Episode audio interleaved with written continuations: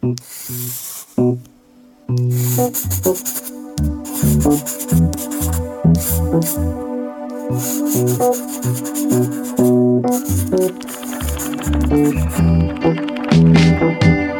harte welkom bij de Potloodcast. Ik ben Jelly Brouwer en in deze podcast duik ik elke maand in het leven en het brein van een illustrator. Dat doen we aan de hand van vijf beelden door de illustrator zelf uitgekozen. Wie is de persoon achter deze beelden? Een portret in geluid van iemand die in beelden denkt. Vandaag is dat Cha Ling Hu. In 2017 won ze de Fiep Westendorp Stimuleringsprijs. Met het prijzengeld kon ze een heel persoonlijk project in gang zetten. Dat resulteerde in een tentoonstelling en een boek. Before I Was Born is een beeldverhaal over de geschiedenis van haar eigen Chinese familie. Cha Ling groeide op boven het Chinese restaurant van haar ouders. Een gesprek over haar bronnen en hoe het allemaal begon. Cha Ling, laten we beginnen met een ehm, tekening die je uh, liet zien aan ons. Die heb je gemaakt toen je elf jaar was. Kun je hem uh, beschrijven, hoe die eruit ziet, die tekening? Uh, je ziet een vrouw van achter. Mhm. Het is een soort schets met potlood. En die is aan het afwassen. En toen woonde ik boven het restaurant. Van je ouders? Van mijn ouders, ja.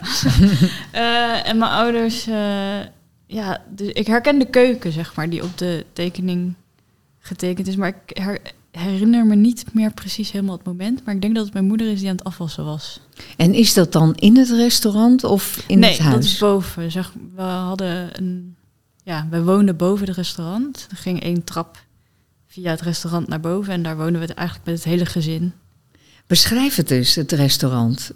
Welk stadje of welk uh, dorp? Het restaurant uh, runnen ze nog steeds in Aalst-Waalre. Het is een klein dorp naast Eindhoven. En ik ben daar uh, vanaf groep drie, weet ik even niet welk jaar dat is, komen wonen. Samen met mijn drie zussen. En toen was het, toen heette het restaurant nog Sing An. En Wat betekent dat, Sing An? Geen idee. Het zal wel iets met geld zijn. iets Chinees. En toen was het nog met rood tapijt en veel gouden ornamenten. En uh, ja, veel, veel decoratie, beetje kitsch, zoals veel Chinese, restaurant, Chinese Indische restaurants. En in die tijd liep het heel goed. Uh, het begon ja, met heel veel mensen en rijen voor de deur. Oh ja, dat is het Ja, beeld dat, je ervan hebt. Nou, dat vertelde mijn zus toen. Ik was toen nog een beetje te klein om dat nog te kunnen herinneren. Maar ik kan me wel voor, herinneren dat mijn ouders altijd aan het werk waren daar. Ja, want hoe verhield jij je tot het restaurant? Hoe, hoe keek je ernaar? Herinner je je dat als kind? Was je er trots op? Of wat, hoe zag je het? Uh, ik vond het denk ik gewoon vanzelfsprekend. Want mijn ouders hebben eigenlijk altijd een restaurant gehad. Maar voordat we daar boven kwamen te wonen, woonden we in een apart huis. Dus dat was wel de eerste keer dat we echt boven het restaurant en alles van dichtbij konden meemaken. En hoe vond je dat? Want dat maakt nogal verschil, denk ik. Ja, je bent gewoon meer bij je ouders. Want Hm. normaal zijn ze dan, uh, kom je terug van school en dan zijn zij eigenlijk al naar het restaurant. En nu kan je gewoon altijd even naar beneden lopen of ja, als je je ouders nodig hebt, dan zijn ze in de buurt. En Dus was dat ook prettig. precies de overweging waarom ze het... eh, Ik denk het wel. Ik heb het eigenlijk nooit gevraagd. Hm. Maar ik denk het wel, ja, het is toch fijner om zelf je kinderen in de buurt te hebben en zelf uh, in de gaten te houden, zeg maar. En je groeide daar dus op in uh, een gezin, vier meisjes, Ja. vertelde je daarnet. En daarnet, jij bent de derde. En je was dus elf toen je die tekening maakte. Ja, Was je sowieso veel aan het tekenen? Of was dit een momentopname? ja, ik heb wel veel getekend als kind. Dus ook die, die andere kindertekening is een soort stripverhaaltje. En daar heb ik er best wel wat van. Dus ik heb er gewoon eentje gekozen. Mhm. En dat deed ik best wel veel, van die verhaaltjes tekenen. Dus ergens, ja, vond ik dat als kind dus al heel erg leuk om te doen. Wat me opviel aan die eh, kindertekening, waarbij we je moeder dus op de rug zien, is dat eh, de vloer, ze lijkt een beetje te zweven. En die vloer heb je ook heel mooi inge... Ja, met potlood is het al, hè, daar. Ja, Ehm, en, en dat is nog steeds zo in je werk, dat mensen zo een beetje zweven. Oh ja, zo heb ik het nooit bekeken eigenlijk. Maar wel leuk om te horen. Ja. En, Niet bewust. Nee, nee, dat was gewoon zo. Ja. Herinner je wel ook die vloer, hoe je die gedetailleerd had getekend? Nee, maar ik herinner me de vloer wel. Maar het tekenen zelf dus niet echt meer. Of waarom ik dat precies getekend heb. En ehm, kunnen we het nog eh, psychologisch duiden dat we je moeder op de rug zien? Eh, ja, geen idee. Misschien onbewust. Ja, Ja. misschien omdat ja, je haar dan toch niet ziet. Of zo. En omdat ze dan ook wel veel aan het werk was. Want ze is daar natuurlijk ook aan het werk. Ja, want ook als ze dan even bij jullie was, ging het, het werk in het huis door. Klopt. Want schets het dus. Wat betekent het om ouders te hebben met een restaurant? Die zeven dagen per Ehm, week geopend is? Ja, toen wel. Nu zijn ze gelukkig wel een dag vrij in de week.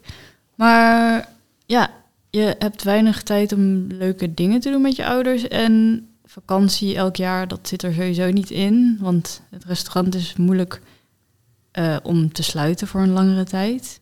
Omdat ze het pand ook huurden. Dus ja, je moet gewoon je huur doorbetalen. En eh, vaak in de weekenden en de avonden. Dus dat zijn juist de tijden, als het kerst is, is het altijd werken. Terwijl andere gezinnen dan juist samenkomen. Dus het is een beetje een omgekeerde wereld. Eh, En hoe maar- was dat dan? Of, of ja, je had geen ander vergelijkingsmateriaal. nee, dus ik Hoewel ben- je natuurlijk wel vriendjes en vriendinnetjes hebt die gewoon met vakantie gaan en kerst vieren met hun ouders. Dus dat moet ook wel. Ja, ik denk van- dat ik pas achteraf, als je ouder bent, Mhm. dan eh, pas merk dat, het- dat je dat misschien toch wel gemist hebt of zo. Hm. Maar op het moment dat ik kind was, niet bewust meegemaakt van... hé, hey, is ook wel een keer leuk om met je ouders avond te eten of zo. Maar ja, je bent het zo. gewoon zo gewend. En, ja.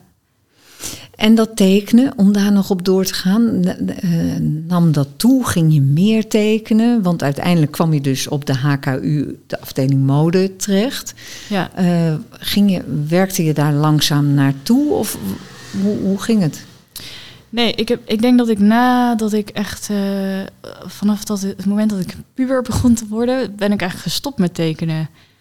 En eh, Waarom, weet je dat nog? Nee, geen idee. Ik was gewoon meer bezig met eh, er leuk uitzien of ja, puber zijn. En ik, ik wist eigenlijk niet zo goed wat ik wilde studeren. Dus toen ben ik gewoon mode gaan doen. Ik wist wel dat ik iets creatiefs wilde. En dat heb ik denk, denk ik van mijn vader. Hij is zeg maar de chef in het restaurant ook. Dus eh, ja, dat is- zit natuurlijk in koken ook heel veel creativiteit. Mhm. En het opmaken van borden. En hij maakt ook altijd van die wortelsnijwerkjes. Oh ja. Van die heel ingenieuze, Ja. Eh, met plezier. Ja, Dat was geen routinewerk. nee, hij, we is nu inmiddels wel mee gestopt omdat er niet zoveel tijd meer voor is. Mhm. Want ja, het kost heel veel tijd om zo'n dier uit een stuk wortel te snijden. Maar ik weet Oh, echt een dat- dier ook? Ja, vissen en paarden en ja, Nee. dat sn- sneed hij zo uit zijn hoofd, uit een stuk wortel. Ik weet ook niet hoe dat hij het deed, maar vond ik altijd heel erg leuk om te zien. Maar dat moet magisch zijn geweest voor een kind ook. Om te zien dat je vader een paard uit een wortel tovert.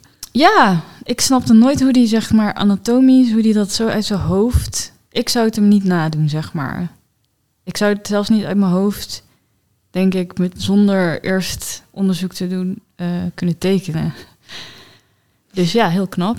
Ja, en wat grappig ook. Want we vroegen je ook of je een beeld uit je jeugd hebt... waarvan je zou kunnen zeggen dat daar je interesse begon in eh, illustratie. Maar dat, dat zit Oh, dat eigenlijk ook hier ook beeld in. kunnen zijn. Ja. Ja. ja. ik zat echt te zoeken naar een beeld van mezelf. Mhm. Maar dat was misschien dan nog, nog toepasselijker Ja, had geweest. gekund. Ja. En ehm, wat vond hij er dan van als jij een tekening had gemaakt? Liet je, liet je die zien aan hem? Eh, nou, nee. Nee. Ik, ik tekende ook vaak met mijn zusje, maar ik kan me niet herinneren dat, dat, dat ik dat ooit aan mijn ouders liet zien. Zij waren eigenlijk altijd aan het werken, dus dat kwam la, dat komt ja, kwam later eigenlijk Mhm. pas. Nu dat het mijn werk is geworden, is het natuurlijk heel anders. Ja. En nu zij ouder zijn geworden. Ja. Dat het restaurant er dus nog steeds is. En Klopt. ze nog steeds, hoewel ze al dik in de zestig zijn, nog Ja. doorwerken. Ja, En ehm, toen kwam het moment waarop jij besloot... oké, het moet... eh, of ik wil, ik wil mode gaan doen aan de HKU. ja. En dan moet je dat thuis eh, voorleggen. Of hoe ging dat? Je beroepskeuze. Sprak je daar Ja. überhaupt met ze over? Of hoe? Eh, ja, en ik ben daar wonderbaarlijk genoeg heel erg vrij in gelaten. Misschien ook juist omdat mijn ouders die vrijheid niet hebben gehad. Toch hebben ze, hadden ze zoiets van, ja, aan jou willen we de vrijheid wel geven aan de kinderen. Ze hebben zeg je wonderbaarlijk genoeg? Nou, je ziet vaker bij Aziatische ouders dat ze- ze graag hebben dat hun kinderen een dokter worden of ja, een hoge opleiding doen of iets met economie, iets waar je gewoon zekerheid heb, in Mhm. hebt voor de toekomst qua inkomsten. En mijn ouders die hebben die mentaliteit ook wel, maar ik mocht wel gewoon naar de kunstacademie.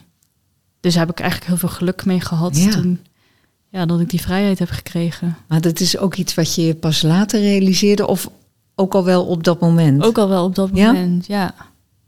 Ja, want het was natuurlijk niet voor hun... Ze, ja, ze hadden niet van zoiets van... oh, dat gaat helemaal goed komen met haar. maar ze hebben me toch die vrijheid gegeven. en omdat- en werd, dat, eh, werd dat ook besproken, uitgesproken? Zei je daar iets over? Eh, nee, want ik denk ook niet dat, dat die vrijheid die ze mij dan geven... dat ze daar heel erg bewust van zijn. Mhm. Ik denk dat het onbewust is omdat zij zelf nooit de kans hebben gehad om te studeren. Dat dan toch wel aan mij hebben willen geven. Maar de, Ja, echt daarover spreken, nee, dat doen we eigenlijk niet.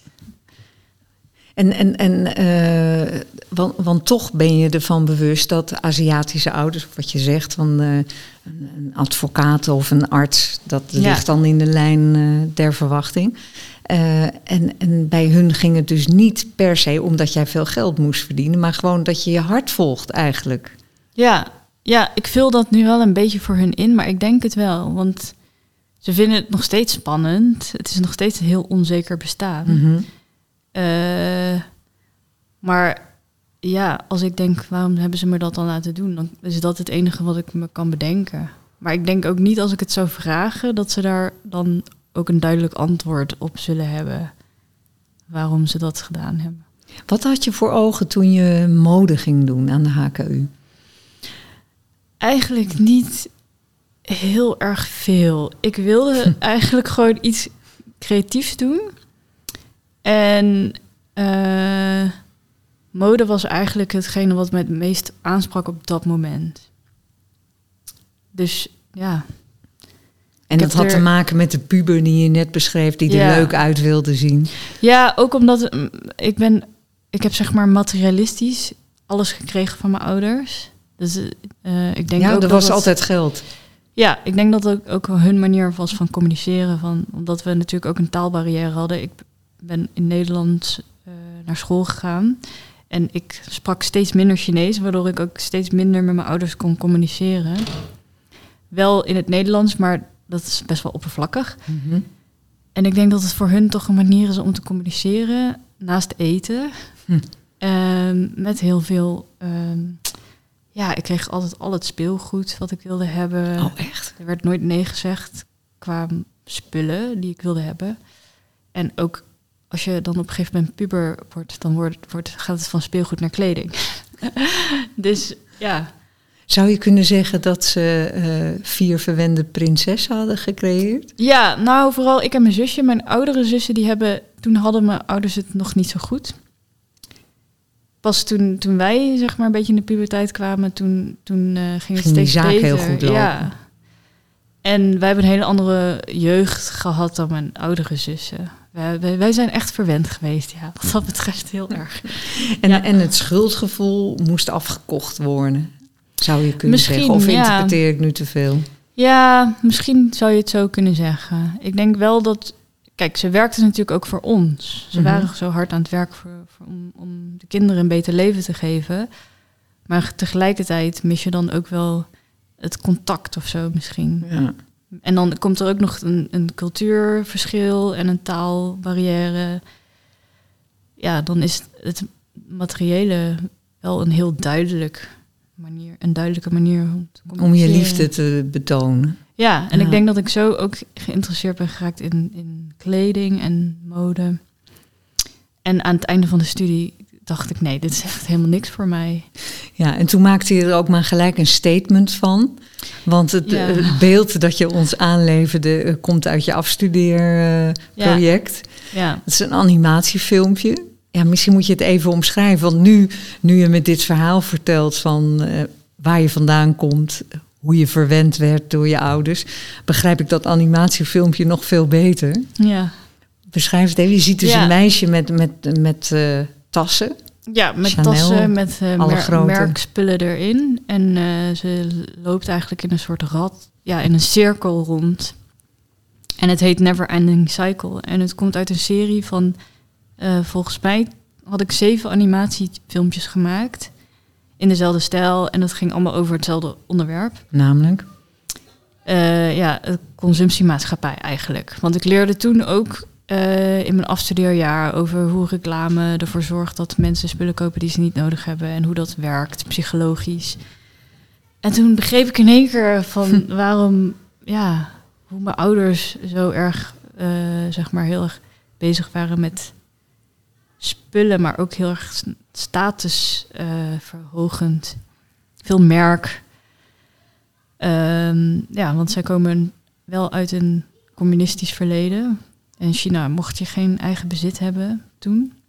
En in Nederland was het natuurlijk kapitalistisch. Je mocht gewoon zelf eh, beslissen wat je koopt. Dus voor hun was dat van een heel andere orde dan voor de Ja. doorsnee Nederlander. Het is gewoon ook een stukje vrijheid. En je kan laten zien hoe Mhm. goed het met je gaat. Want je komt van een ja, best wel een arm, arm verleden. Dan, dus dan begrijp ik ook wel dat je dan grijpt naar dat soort eh, middelen om dan te laten zien hoe goed het gaat. Ja. Terwijl ja, ik daarvoor daar best wel oordelend over was. Van ja, je hebt dat eigenlijk allemaal niet nodig. En je koopt eigenlijk, je denkt dat je je geluk koopt, maar zo werkt het niet. En hoe kwam het dat je tijdens die modeopleiding, want daar ben je toch ook wel vooral bezig met juist eh, in die modewereld zien terecht te komen, je eigenlijk activistisch werd en je er tegen ging keren? Of had dat gewoon ook met de sfeer op die opleiding te maken? Ja, eigenlijk eh, leerde ik dat bij semiotiek. Dat was dan een vak dat we kregen. En daar werd heel erg eigenlijk ontleed hoe, hoe misleidend reclame en het kopen van spullen is. En, het toen hele, vielen de schellen van je ogen. ja, en het hele kapitalistische systeem. Nou, nu ben ik daar minder eh, uitgesproken over. Niet alleen maar negatief. Maar toen was ik dat wel heel erg. Toen dacht ik, oh, dit is al alles wat mis is met de wereld. En slecht voor het milieu. En het is zinloos. En daardoor had ik ook zoiets van, ik hoef niet in de modewereld eh, te werken. Want ja, het draagt alleen maar bij aan veel problemen. Ja. En vandaar dat filmpje dus wat je maakte. Ja, toen- Waarbij je dat meisje zo over die wereld ziet draven die alsmaar gekker wordt. eigenlijk. Ja, ja en, en ik heb ze natuurlijk getekend, die filmpjes. En Mhm. toen is ook, eh, zeg maar, dat tekenen ook weer een beetje teruggekomen. Je moet sowieso natuurlijk in de opleiding veel tekenen, model tekenen en kleding tekenen. Dus toen dacht ik, eh, misschien is dit wat. Ja. Ja. En toen? Want Ja, en toen ben toen ik je dus, dus, eh, afgestudeerd met het activistische filmproject. Ja, het werd gek genoeg best wel goed ontvangen. Eh, en toen ben ik afgestudeerd, toen heb ik een jaar gewerkt. Toen wist ik eigenlijk niet zo goed wat ik wilde. En in dat jaar heb ik bedacht dat ik dus eh, verder wilde met dat tekenen. Dus toen ben ik op zoek gegaan naar een masteropleiding. Maar ik had gewoon eigenlijk niet echt een portfolio op illustratief gebied. Mhm. Dus toen ben ik opnieuw een bachelor eh, gaan doen in Huh? België. En ook in België omdat ik hoorde dat de opleidingen daar heel goed waren. Maar ook omdat als je al ja, je eerste opleiding in Nederland hebt gedaan, is het financieel best wel duur om dan nog een opleiding te doen. Mhm. Dus daarom ben ik naar België gegaan. En dat was heel anders, want daar kregen we gewoon eh, ook heel veel theoretische vakken waar ik elk semester echt voor moest studeren. terwijl op de HKU was dat, was dat helemaal niet zo. Daar was het vooral praktisch. Vooral praktisch. En het een, ja, we hadden wel een paar theorievakken, maar dat was ja, niet echt dat je daar examens voor kreeg Mhm. of zo. En in België was het heel schools, van 9 tot ze- 5 op school en dan ook heel veel huiswerk. Dus het was weer terug, helemaal terug Ja. de schoolbanken. Ehm, ja, en toen ben ik illustratie gaan doen en daarna heb ik nog een eh, master in fine arts gedaan. En toen was het duidelijk. Ja, toen dacht ik, ik heb het gevonden. Ja. Dit is wat ik wil. En, Ja. en wat, wat ging je tekenen? Wat, had je toen al de stijl waar, je, waar we je nog steeds aan herkennen? Dus potloodtekening, heel veel potloodstreepjes. Ja, ik heb ja, toen van alles natuurlijk gedaan. Want op de, op de opleiding probeer je van alles. Mhm. Eh, en op de een of andere manier is dat potlood blijven hangen. Ja, ik ben afgestudeerd met potlood. Met een serie potloodtekeningen. En ehm, op- ook omdat ik het gewoon een, een mooi en minimalistisch eh, materiaal vind. Mhm. En ja, Ja, want waarom het past dat heel bij prettig. Ik, ik, weet, ik heb niet nooit bewust zo van, oh, dit is het nu. Maar het is gewoon, het voelde gewoon goed. Dus Hm. ik ben daar gewoon mee doorgegaan. En el- elke keer zeg ik, eh, ik wil weer wat in kleur gaan doen. En af en toe doe ik dat wel voor eh werkende opdracht. Denk, oh, nu kan ik even lekker iets anders doen. Maar er komt een tijd dat ik ook weer eh, ga schilderen of zo. Ja? ja. Laten we nog even teruggaan naar die academie. Want dat was natuurlijk ook de fase eh, in je carrière dat je ehm, werd geïnspireerd door anderen. Ja. Ehm, en we vroegen je naar eh, wie dat dan waren. En ehm, nou, misschien moet je zelf zeggen wie dat zijn. Je hebt twee beelden aangeleverd.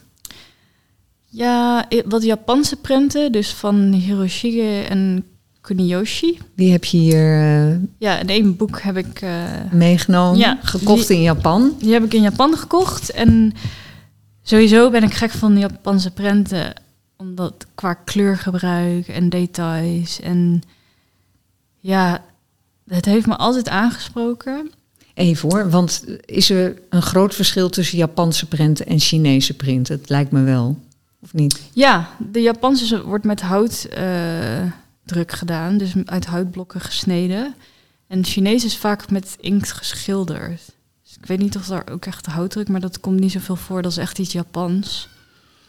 En ik heb vorig jaar ook zo'n cursus gedaan, woodblock printing, van een vrouw die ook in Japan dat heeft geleerd. En ja, alleen al de tools en de handelingen en alles. Want het zijn dan echt houtsneders. Ja, dus dit hele boek is ook... eh die Japanse prenten zijn allemaal met houtblokken gedrukt.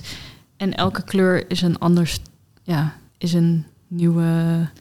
Dus dat wordt weer opnieuw uitgesneden voor een nieuwe kleur. Zo. Dus elke kleur is een laag, zou ik zeggen. Als je dat eenmaal weet, dan kijk je nog weer heel anders naar die prenten. Toch? Ja, het is, elk haartje is eigenlijk uitgespaard hout. Wow. En ik heb daar een keer een filmpje van gezien hoe ze die hele dunne haartjes dan uitsnijden. En het is gewoon zo fascinerend. En zoveel ambacht. En vaak maken ze ook de tools zelf. En ja, dat is gewoon heel magisch, vind ik. Ja. En eh, En waarom, ehm, want hoe, hoe en wanneer leerde je dan die Japanse prenten kennen? Want je zou verwachten dat iemand met een Chinese achtergrond ja, juist ik, eh, oh, is- voor de Chinese prenten zou zou gaan. bijna willen dat ik Japans ben. Maar nee, ik vind de, de Japanse kunst eigenlijk...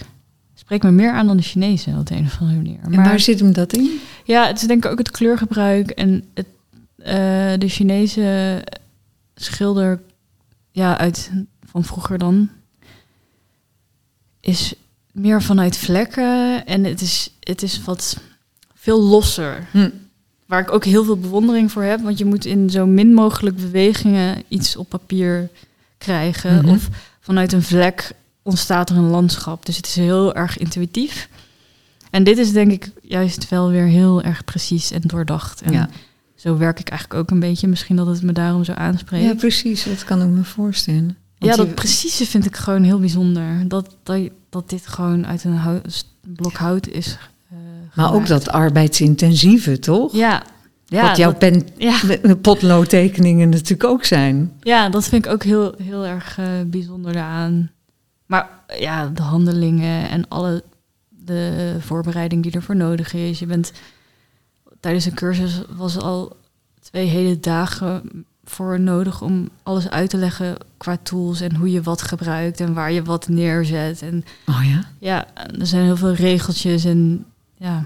Heb je allemaal geleerd op die cursus? Ja, Was dat in Japan trouwens, of hier Nee. in Nederland? nee, helaas niet. Maar, maar Want je vertelde daarnet trouwens ook dat je bij dat bezoek aan Japan, waar je het boek dus hebt gekocht, dat ze jou de hele tijd voor een Japanse aanzagen. Ja, Wat, waar ik verbaasd over ben, want ik dacht altijd dat Japanners en Chinees precies weten van elkaar of je Nee. Japans of Chinees bent. Ik, ik zie het zelf vaak ook niet.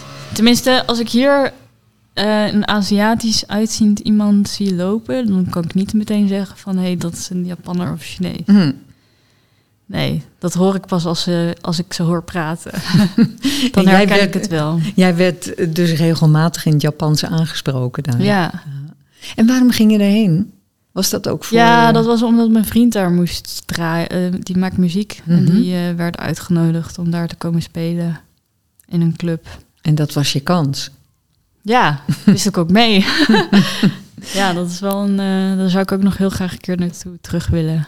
En heeft dat eh, je werk beïnvloed eigenlijk, dat bezoek? Ehm, niet bewust, misschien onbewust, maar ik denk niet dat mijn werk daarna heel erg veranderd is. Dat is dus de ene inspiratiebron die je beschreef. Ja. Eh, en de andere.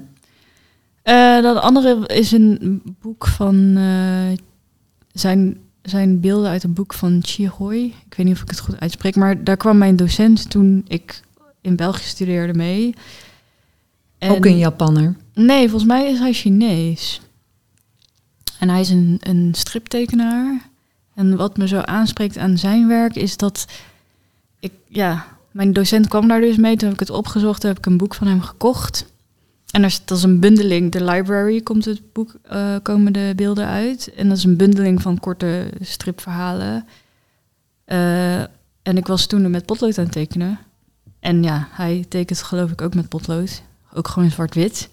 Dus ik snap wel waarom mijn docent ermee kwam. Maar wat me er zo aan aansprak is omdat het een hele gekke stripverhalen zijn. Dus je begrijpt ook niet, het is niet heel duidelijk waar het nou precies over Mhm. gaat.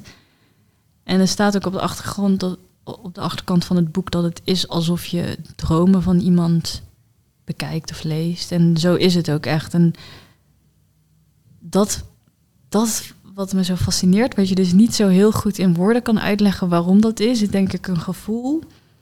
En niet, eh, terwijl je het niet per se intellectueel begrijpt wat er aan de hand is, maar toch raakt het je op de een of andere manier. En dat vind ik heel bijzonder. En het is echt, eh, ja, misschien moet jij het even beschrijven, want ik vond het ook echt prachtig werk. Heel indringend. Ja, Je ziet een gezicht wat helemaal verwrongen is. Huilt, eigenlijk huilt het hele gezicht. ja en er zit heel veel emotie in. Mhm. Maar tegelijkertijd is het ook heel mooi. Ja. En die combinatie, dat contrast, eh, ja, dat, daar zit het ook in. En inderdaad, gewoon dat vervreemdende. Ja, Dat vond ik heel bijzonder aan het werk. wel met tekst trouwens, hè? Ja, maar dat maakt het ook niet per se altijd heel duidelijk. maar inderdaad wel met tekst, ja. Ja, want over tekst gesproken, hier ligt ehm, jouw boek. Mhm. Echt een wa- een waanzinnig mooi boek. Before I Was Born, zo heet het, voor ik geboren werd. Ehm, en dat heb je gemaakt nadat je de Fiep Westerdorp eh, Foundation prijs had gewonnen. In 2017 was dat. Ja, Toen kreeg je geld en Ja. toen dacht je, nu kan ik eh, aan de gang, aan Ja. het werk. Met Ja. een heel eh, persoonlijk project. mhm. Misschien moet je even vertellen waar, waar het mee begon. Ja, dus ik had een idee ingediend voor de Vivesdorp Stimuleringsprijs. En dat was eh, dat ik mijn familieverhaal eh, in beelden wilde vertalen. En dat heb ik gedaan. Ik heb, ik, ben, eh, ik heb wat familieleden geïnterviewd over hun reis van China naar Nederland. Wacht even hoor. Ik heb wat familieleden geïnterviewd voor hun reis van China naar Nederland. Wat, hoe ging dat? Wie? Je opa? Ja, mijn opa en een aantal ooms, een oom en een tante en mijn ouders. En ik heb ervoor gekozen om vooral aan de kant van mijn familie te, van, van mijn moeder te blijven, want daarvan zijn de meesten in Nederland. En van mijn vader ken ik bijvoorbeeld mijn opa en oma niet. Heb je En- nooit ontmoet? Nee, die zijn eh, in China gebleven en die zijn allebei ook overleden. Hmm. Dus mijn opa is ook de enige eh, die nog leeft. Mijn, de, mijn Enige oma- grootouder die nog grootouder, leeft. ja. Dus toen dacht ik, als ik het nu niet doe, straks is hij er niet meer. Nee. En dan, eh, ja, dan heb, ik voor altijd spijt. En het was ook heel onduidelijk in onze familie wat er nou, hoe dat nou precies gegaan is. Want ze praten er eigenlijk nooit over. Mijn ouders die praten eigenlijk ook nooit over hun tijd in China. Dus dat is gewoon een hele andere wereld. Nu vertellen ze er iets meer over. Maar dan lijkt het gewoon... Ja, je kan je daar bijna geen voorstelling van maken. Nee, want jij kende die verhalen dus eh, nog niet Nee, tot dan toe. nee. Terwijl ik me wel voor kan stellen dat je als kind ook vraagt van waar zijn opa en oma? Of in elk geval dan de opa en oma van je vaders kant, de ouders. Eh, en de opa van je moeder was er dus wel. Die was hier in Nederland. Ja, en mijn oma toen ook. Die is, Mhm. eh, ja, toen ik tien was, overleden. Maar ik denk omdat het zo van... Er werd gewoon... er werd ook nooit van verhalen verteld of zo. Ik denk ook omdat wij dus... Omdat mijn ouders dus een restaurant hadden. En normaal vertel je verhalen tijdens het eten of zo. En ja... Dat het zo vanzelfsprekend was dat daar niet over gesproken werd. Dat je ook niet in één keer op een dag daar allemaal vragen over gaat stellen. Nee. Want dat is wel goed om je te realiseren. Jullie aten dus nooit samen. Ik bedoel, dat is eigenlijk het moment waarop gezinsleden elkaar treffen hè, aan die eettafel. En dan vertel je over school of weet ik veel wat. Ja, maar dat en- hadden jullie dus nooit. Nee, want bij het ontbijt lagen mijn ouders nog in bed. En wij moesten heel vroeg naar school. Dus dan. En wie En- zorgde dan voor jullie? Nou, voordat we in het restaurant woonden, hadden we een nanny. Dus die maakte dan het ontbijt en die liep dan met ons naar school. En daarna waren mijn ouders natuurlijk gewoon in het restaurant. Dus dan had ik mijn oudere zussen, die eh, eigenlijk het meeste van de tijd op ons pasten, volgens mij. En eh, het ontbijt maakten we gewoon zelf. En de lunch ook, want dat nam je dan mee naar school en dat had je dan op school. En dan s'avonds thuis hadden we gewoon, stond het eten klaar. Gewoon in het restaurant. Nee, wel boven. Wel boven. Ja, wel boven het restaurant. Maar dan aten jullie als kinderen met elkaar. En Ja, er ik waren at geen altijd met- volwassenen bij. Nee. Ja, ik was dat toen gewend. Ja. Ja, en, en nu, als je er aan terugdenkt, denk je... Valt je dat pas op eigenlijk. Ja. En zo kon het dus ook gebeuren dat jullie op een gegeven moment elkaars taal eigenlijk niet meer spraken. Want die verhalen hoor je natuurlijk wel vaker van migrantenkinderen, Marokkaanse, Turkse. Dat een gesprek met de moeder, eh, of, ja, dat dat moeizaam is. Maar in jouw geval, of in jullie geval, is het eigenlijk nog veel extremer. Omdat jij dat Chinees gewoon helemaal verleerde. Omdat je nauwelijks meer gesprek had met je ouders ja, ze hebben wel geprobeerd om ons naar Chinese school te... op zaterdag.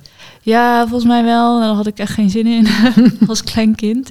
Want ik moest dan naar school. En achteraf denk je, oh, ja, had, Had, je ik nou dat maar doorgezet. gedaan. Maar ehm, Hebben jullie dat alle vier niet gedaan? Alle vier niet. Kunnen we geen Chinees. Maar ik heb wel ook eh, dankzij het winnen van de Vier Westendorp-prijs een cursus Chinees gedaan. Oh, echt? Ja, dus daar heb ik ook een deel van het geld voor gebruikt. En toen heb ik de basis geleerd van hoe die taal is opgebouwd. Dat wist ik niet eens.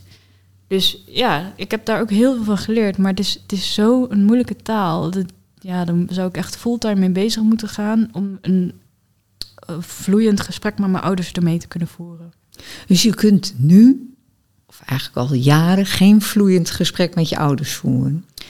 Ehm, Want wat is de voertaal dan? Nederlands. Ja, ik, kan, ik, ik ga niet in Chinees proberen, want dan snappen ze niks van wat ik zeg. Maar Zij, zij, zitten, zij zijn hier natuurlijk al eh, best lang, dus ze kunnen wel Nederlands, want ze hebben ook het restaurant, ze Mhm. helpen gasten in het Nederlands. Maar het is best wel oppervlakkig. Dus ik vertel wel wat ik doe of zo. Ehm, Ik bel wel met ze en we gaan natuurlijk bij elkaar op bezoek. En ze weet wel wat ik aan het doen ben en zo. Vaak gaat het over eten.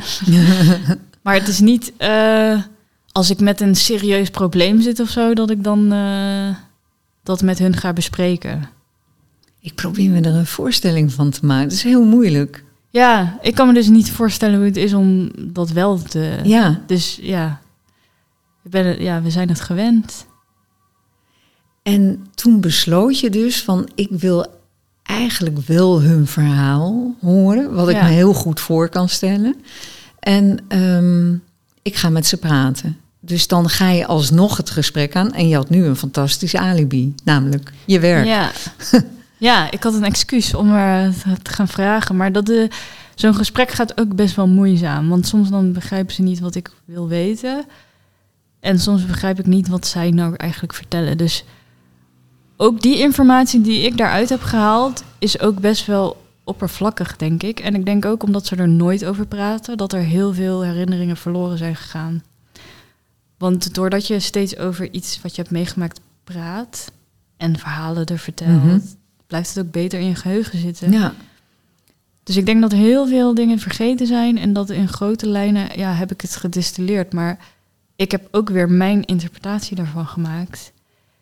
En ehm, En heb je was- gebruik gemaakt van een tolk of dat overwogen om dat te doen? met mijn ouders niet. Met mijn opa heb ik, heeft mijn oom... eh, want mijn ouders spreken eigenlijk een dialect. eh, en dat dialect, dat kan ik al helemaal niet. Maar dat versta ik wel het beste. Mhm. Maar mijn oom die heeft toen eh, in dat dialect mm, ja, voor mijn opa vertaald en voor mij. Want hij kan zeg maar dat dialect en heel goed Nederlands. En dat is de broer van je moeder. De broer, de, ja, de jongere broer van Ja. mijn moeder.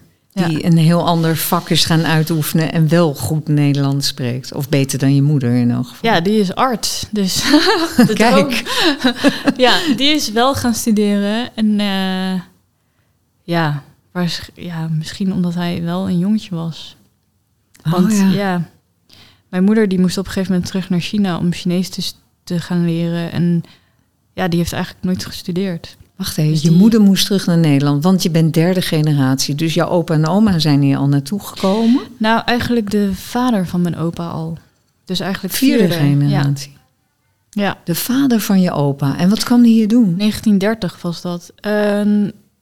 Hij kwam eigenlijk, hoorde hij dat in Europa dat je daar geld kon verdienen. Dus toen ging hij daar gewoon heen. En eh, zijn vrouw en kinderen, dus mijn opa ook. Ja, mijn opa die had zijn eerste schooldag. Toen kwam hij terug thuis, toen was zijn vader weg. En dat werd ook niet uitgelegd of zo, of aangekondigd. Of... Ja, en toen moest hij dus overleven met zijn moeder en eh, broertjes en zusje. En waar was eh, zijn vader dan? Ja, die was naar Europa vertrokken. Gewoon om een beter leven te vinden. En op een gegeven moment toen brak de oorlog uit. En toen hoorden ze niks meer, want toen ging het nog allemaal met brieven. En toen gingen ze ervan uit dat ze waren- dood waren. Dus toen is dat contact eigenlijk verloren gegaan. En dit heb je allemaal nu gehoord en verbeeld. Ja. Niet met tekst, echt puur alleen maar tekeningen. Ja, ja dus dit, Dus onder andere dit verhaal eh, herken ik, omdat ik het in beeld ja, heb gezien. Ja, dit is inderdaad verbeeld in het boek. En ehm, ik heb overwogen om er ook tekst bij te, te laten schrijven. Maar ehm, toen merkte ik dat de tekst heel erg bepalend ging worden. Dus dat ging echt de boventoon voeren. Terwijl voor mij is het niet per se heel belangrijk dat mensen precies weten hoe dat gegaan is. Je mag ook best wel je eigen interpretatie daarvan maken. En ik heb het eh, alleen voorzien van wie wie is. Dus bijvoorbeeld als het mijn opa is, Mhm. staat er opa bij geschreven. In het Chinees. In het Chinees. Want dat vond ik beeldend ook ja, beter mooier. passen, mooier. En dan aan de achterzijde is de vertaling van opa, oma, moeder, vader enzovoort. Dus dan kan je ook nog een beetje Chinees leren. Maar wat een ongelofelijke geschiedenis wat je dan hebt ondernomen. Want er is dus een, een taalprobleem. Je kunt niet met elkaar praten. Tenminste, niet op een dieper emotioneel niveau. Dat is Mhm. eigenlijk wat je zegt. Ja, Ehm, en, en soms toch, ook maar beter. Ja, soms is dat beter. ja. En toch wilde je eh, hun verhaal eh, Ja, horen. En, en, en dat, dat is dus gelukt. En vervolgens heb je het verbeeld in tekeningen zonder taal. ja, klopt. Ja, ik heb dus eerst wel via taal het verhaal tot me genomen Ja. en dat opgeschreven in grote lijnen. En raakte je dan ook gefrustreerd in die gesprekken met, met hun? Omdat, omdat je toch de hele tijd niet bij die laag terecht kwam. Soms wel, maar het is ook ergens omdat ik me dat al mijn hele leven gewend ben, verwacht ik nu niet in één keer een heel erg eh, diepzinnig en, en open gesprek. Dus je, ja, En bovendien was dit al zo'n vooruitgang dat je überhaupt dat gesprek aan kon gaan. Dat Ja. je daar al heel blij mee was. ja, en ik heb het ook gefilmd. Dat weten ze niet, maar Wat dat weten ze niet. nee, ik denk dat ze dat ook vergeten zijn. Dus ook al een tijd geleden natuurlijk. Maar, Maar hoe heb je het dan gefilmd zonder dat zij ja, met mijn weten? laptop er zit een webcam in. En ik denk ook niet dat, dat ze dat ooit terug willen zien. Maar ik vind het wel belangrijk om te hebben. Gewoon voor ons, ons familieverhaal. En dat mijn, mijn moeder dat dan heeft verteld. En ja, mijn vaders familieverhaal wilde ik eigenlijk ook nog een beetje doen. Maar dat werd dan te groot. Want hij heeft natuurlijk ook een heel ander leven gehad. En Mhm. er is nog zoveel wat, wat ik nog niet weet, zeg maar. En wil je dat nog allemaal weten? Ja, ik, ik merk ook wel dat nu dat ik dit gedaan heb, dat ze ook wel vaker dingen vertellen over vroeger. Ja. Ja, En, eh, want we waren het blijven steken bij het moment waarop jouw moeder terug moest naar China. Ja, Dus even, zij was dan eigenlijk al de derde generatie. ja. Eh, had ha- hadden haar ouders ook een Chinees restaurant? ja want mijn, eh, de vader van mijn opa, dus mijn overgroot... Mijn Vader, overgrootvader, overgrootvader. Die is begonnen met eh, ja, eigenlijk te koken voor de pindakoekjesverkopers. Die, ja, dat was een, een- ja. Toen kwamen de Chinezen en die verkochten pindakoekjes. En ehm, daarna is hij overgegaan tot restaurants. En mijn opa die is rond zijn dertigste pas naar Nederland gekomen, want hij kwam erachter dus dat zijn vader nog leefde. Omdat hij had dat had gehoord van andere Chinezen die ook naar Nederland kwamen. Ja, iedereen praat over elkaar en kent elkaar. Dat dan weer wel. Eh, Ja, maar zijn vader had dus een eh, Nederlandse vrouw ondertussen met kinderen gekregen. Nog drie kinderen. Dus eh, mijn opa die kwam naar Nederland. En die kinderen van zijn vader, die wisten ook van niks. Die wisten ook niet dat hij kwam. Hij stond gewoon ineens op de stoep. Nou ja. En toen heeft mijn opa dus ook restaurants uitgebaat in het zuiden van Nederland. Eh, geopend en verkocht. En oh ja, mijn opa die had dus ook toen net mijn moeder gekregen. Toen hij wegging uit China. Dus toen was, Zijn eerste kind. ja, dus toen was mijn oma nog met mijn moeder in China. En zij zijn gekomen toen mijn moeder vier, vijf jaar was. Eh, toen heeft mijn opa dat geregeld dat, dat ze ook konden komen. En toen is mijn moeder op haar negende weer teruggegaan naar China. In er eentje. Ja, want toen kreeg ze een zoon, dus de oom die ook de vertaling heeft gedaan. In eh, 1960 geloof ik. Mhm. En toen moest mijn moeder terug naar China, wel met een meneer. Een, volgens mij een vriend of zo van mijn opa. Maar in ieder geval niet een man die zij kende. Dat heeft trouwens ook een heel mooie, heel trieste tekening opgeleverd. Ja, in je boek, toch? dat- Dat, je ja. een klein meisje ziet zitten naast een man ja, in een trein. klopt. En daar is ze toen gebleven tot de achttiende. Eh, bij familie die ze ook niet goed kende. Eh, ja, daar vertelt ze dan wel over. Maar nu zegt ze ineens dat het allemaal niet meer zo erg was. Want ze heeft het er ook niet graag over. Dus, dus ja. Terwijl dat een traumatische ervaring moet. Ja, Zeggen wij- ik zeggen wij nu met juist. ons- Ja. Ja, maar voor haar is het misschien nog wel een beetje schaamtelijk of zo. Want Dat, het zo, dat ze Mhm. zo'n armoedig leven heeft gehad. En Terwijl ik dat natuurlijk heel anders zie. Ik zie het juist als van, ja, het is juist wel bijzonder dat je nu bent waar je bent. Ja. Ondanks alles wat je hebt meegemaakt.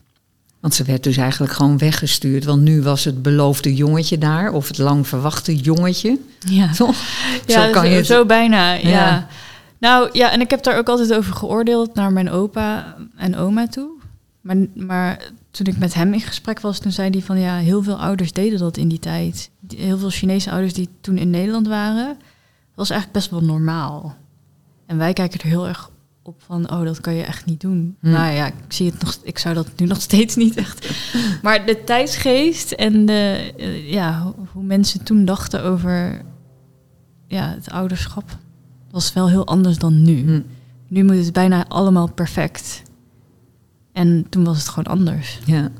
En niet om het goed te praten, maar het, het is niet, ja. Het is niet, eh, voor hun was het natuurlijk ook gewoon dagenlang werken. Van 9 tot 1 uur s'nachts, vertelde mijn opa. Dus ze hadden ook weinig tijd om de kinderen op te voeden. Dus daar had het ook wel mee te maken. Het is wel mooi hoe je beschrijft dat het eigenlijk een enorme ontdekkingstocht was voor jou. En dat je daarvoor heel veel dingen afkeurde of onbegrijpelijk vond of niet vond kunnen. En dat je nu met dit boek en, en je er zo lang in verdiept hebbend vaststelt van ja, maar het is eigenlijk heel begrijpelijk. Ja, er, als je erin induikt en eh, nieuwsgierig bent, dan kan je het beter relativeren en beter begrijpen inderdaad waarom iemand keuzes maakt. Ja, Terwijl als je van buitenaf oordeelt, dan is het heel makkelijk om ja, heel erg kort door de bocht te gaan. En dat heb ik altijd gedaan toen ik jonger was. En nu, als je dan toch zo'n gesprek aangaat, dan, want dat zou ik ook niet zo snel doen met mijn opa als het niet voor dit project was. ja. Dan ga je ook niet ineens uit het niets eh, helemaal over vroeger beginnen. Maar nu heb je een soort excuus. Dus dat, dat, ja, dat En is een mooie opening. vinden zij ervan? Ik neem aan dat ze het boek nu hebben gezien. Tentoonstelling, Ja. want er is ook een tentoonstelling geweest. Hoewel maar Eh, heel ze, kort. Ze, ze, ze hebben daar dus nog niet heen kunnen gaan vanwege Hmm. het restaurant. Omdat het eh, was de opening en dat is vaak in het weekend. Dus dan, maar ze, ze, ze willen nog heel graag komen. Ze hebben het boek natuurlijk wel gezien. En ze zullen het nooit zeggen met woorden, maar ik denk wel dat ze trots zijn. Hoe reageerden ze dan? Ja, dan, dan, eh, dan bellen ze wel enthousiast. En mijn opa die heeft een rood zakje aan mij gegeven. Dat brengt dan geluk. Dus het wordt va- vaak met oud en nieuw gegeven. Eh, en dat is toch wel een teken dat hij heel trots is. En, dat, en, en eh, ik hoorde van mijn moeder dat hij het heel mooi vindt. Oh, dan Dus- zegt je moeder dat haar vader het heel mooi vindt. Ja. Terwijl ze zelf nog niet echt heeft gezegd wat ze ervan vindt. Nou ja, niet met zoveel woorden, maar ik merk wel aan gewoon eh, haar enthousiasme dat ze er wel heel erg trots op is. Maar dat is- komt natuurlijk ook omdat er een expositie is en dat er veel aandacht voor Mm. is. Dus ja. En ehm, nou ja, zoals ik zei, zonder. Was je erbij op het moment dat ze het boek opensloegen? Of had je het opgestuurd? Nee, want het was ook in, in, in het midden van de coronatijd. Dus ik heb mijn ouders in die periode ook he- bijna niet, eigenlijk niet gezien. Dus ik heb het boek. eh, nee. Terwijl dat wel een moment moet zijn geweest, ook voor jou. Dat op het moment dat zij het zo openslaan.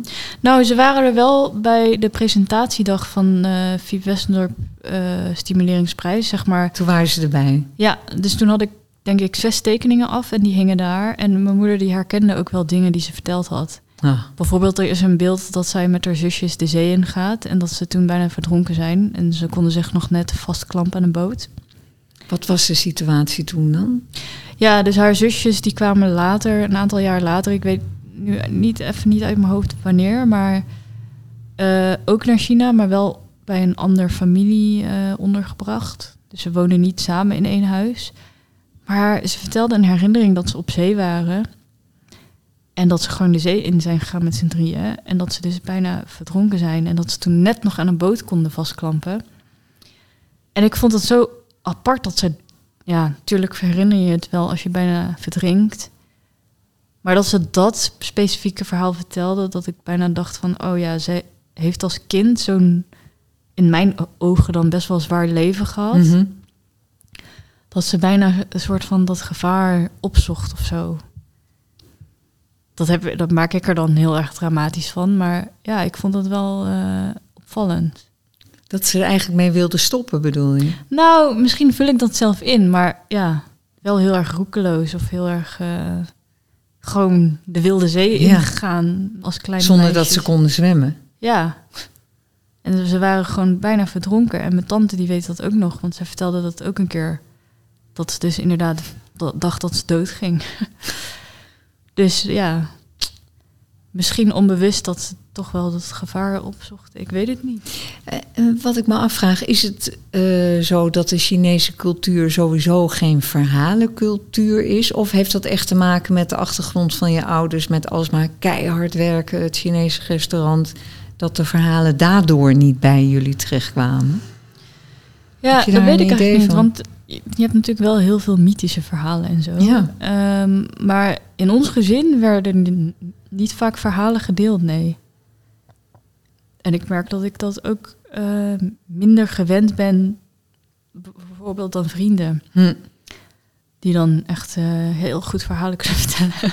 en ik doe dat dan met tekeningen. Nou, jij maar, doet het ook behoorlijk goed. maar met woorden heb ik er meer moeite mee, zeg maar. Ja.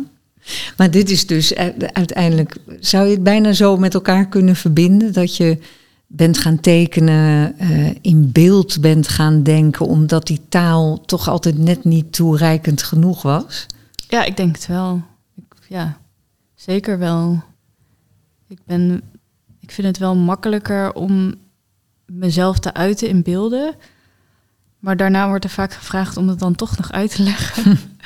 en daar heb ik altijd wel meer moeite mee. En ik vind ook de, dat, je dan soms een beetje de magie of zo ervan afhaalt. Of je perkt het dan zo in. Als je er gelijk van alles uitleg bij gaat geven, dan is dat het. Ja. Terwijl als je dat toch wel meer openlaat, dan kan er nog van alles gebeuren. En voor mij soms betekent een tekening het ene jaar dit en dan een jaar Ja. later betekent het weer wat anders. Dus En dat is natuurlijk ook de reden waarom je het uiteindelijk zonder tekst eh, ja, nu hebt verteld. ja, dat het toch meer open blijft. En heeft dat dan ook nog te maken met dat je misschien af en toe ook twijfelt: heb ik het verhaal nu echt goed begrepen van, van mijn ouders? Ook, Ja. ja. Ja, want mijn opa die zei ook van als ik wist dat dit het project ging worden en dat het zo groot zou worden, dan had ik het helemaal anders verteld. Maar ja, Oh, is het boek al af. ja, hij wist, hij begreep denk ik, tenminste dat, dat heb ik dan van mijn moeder gehoord, niet helemaal waarom ik die vragen kwam stellen. Ik had natuurlijk wel verteld, het is voor een project en ik wil Mhm. ons familieverhaal verbeelden, maar mijn ouders ook, die begrepen eigenlijk niet waarom wil je dat eigenlijk doen, want wie heeft daar baat bij of waarom zouden mensen dat willen weten? Dus dat is heel moeilijk om uit te leggen wa- waarom dat belangrijk is. En mijn opa begreep dat toen ook niet helemaal. En nu dat hij het boek ziet en eh, weet dat het, eh, dat het een tentoonstelling is, snapt hij pas wat, ik, wat mijn bedoeling was. Maar had hij dan meer verteld? ja, dat weet ik dus niet. Nee. Hij zegt alleen, dan had ik het anders verteld. Maar ik weet dan niet wat. Dus misschien moet ik nog een keer terug. Het vraagt om eh, een vervolg, Ja, kan ik me zo bijna voorstellen. wel. Ehm, nou, je, dit is autonoom werken. Dit, dit boek waarin je heel persoonlijke geschiedenis eh, eh, vertelt. Eh, maar je bent ondertussen natuurlijk ook gewoon eh, illustrator en, en je hebt opdrachtgevers. En we vroegen je of je ook een eh, beeld eh, aan ons kon geven waar wat duidelijk een opdracht is. En je hebt gekozen voor een beeld, dit keer geen potloodtekening, Ja, maar je hebt iets gemaakt voor muzen met heel veel kleur. Een hele mooie kleur eh, Ja. blauw. Wil je het Ja. zelf beschrijven wat het is? En wat de opdracht ja, was? Het was ehm, voor een artikel over, ja, over kunst en kitsch, dat programma. Mhm. Tussen kunst wordt- en kies. Tussen kunst en kitsch, sorry. Ik kwam even niet op de naam. Ehm, en dan wordt er, ja, nou ja, iedereen kent het programma Ja. wel. Dan wordt er gewoon werk uit mensen hun huizen beoordeeld op waarde. En dit artikel ging over ehm, objecten die in het museum terecht zijn gekomen.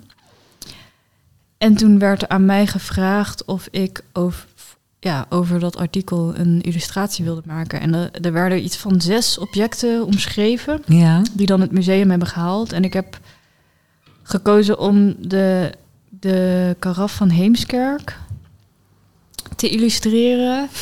ja, het is een blauwe karaf met een gravure erin, volgens Mhm. mij. En eh, ja, dat wordt dan helemaal omschreven waarom het zo bijzonder is.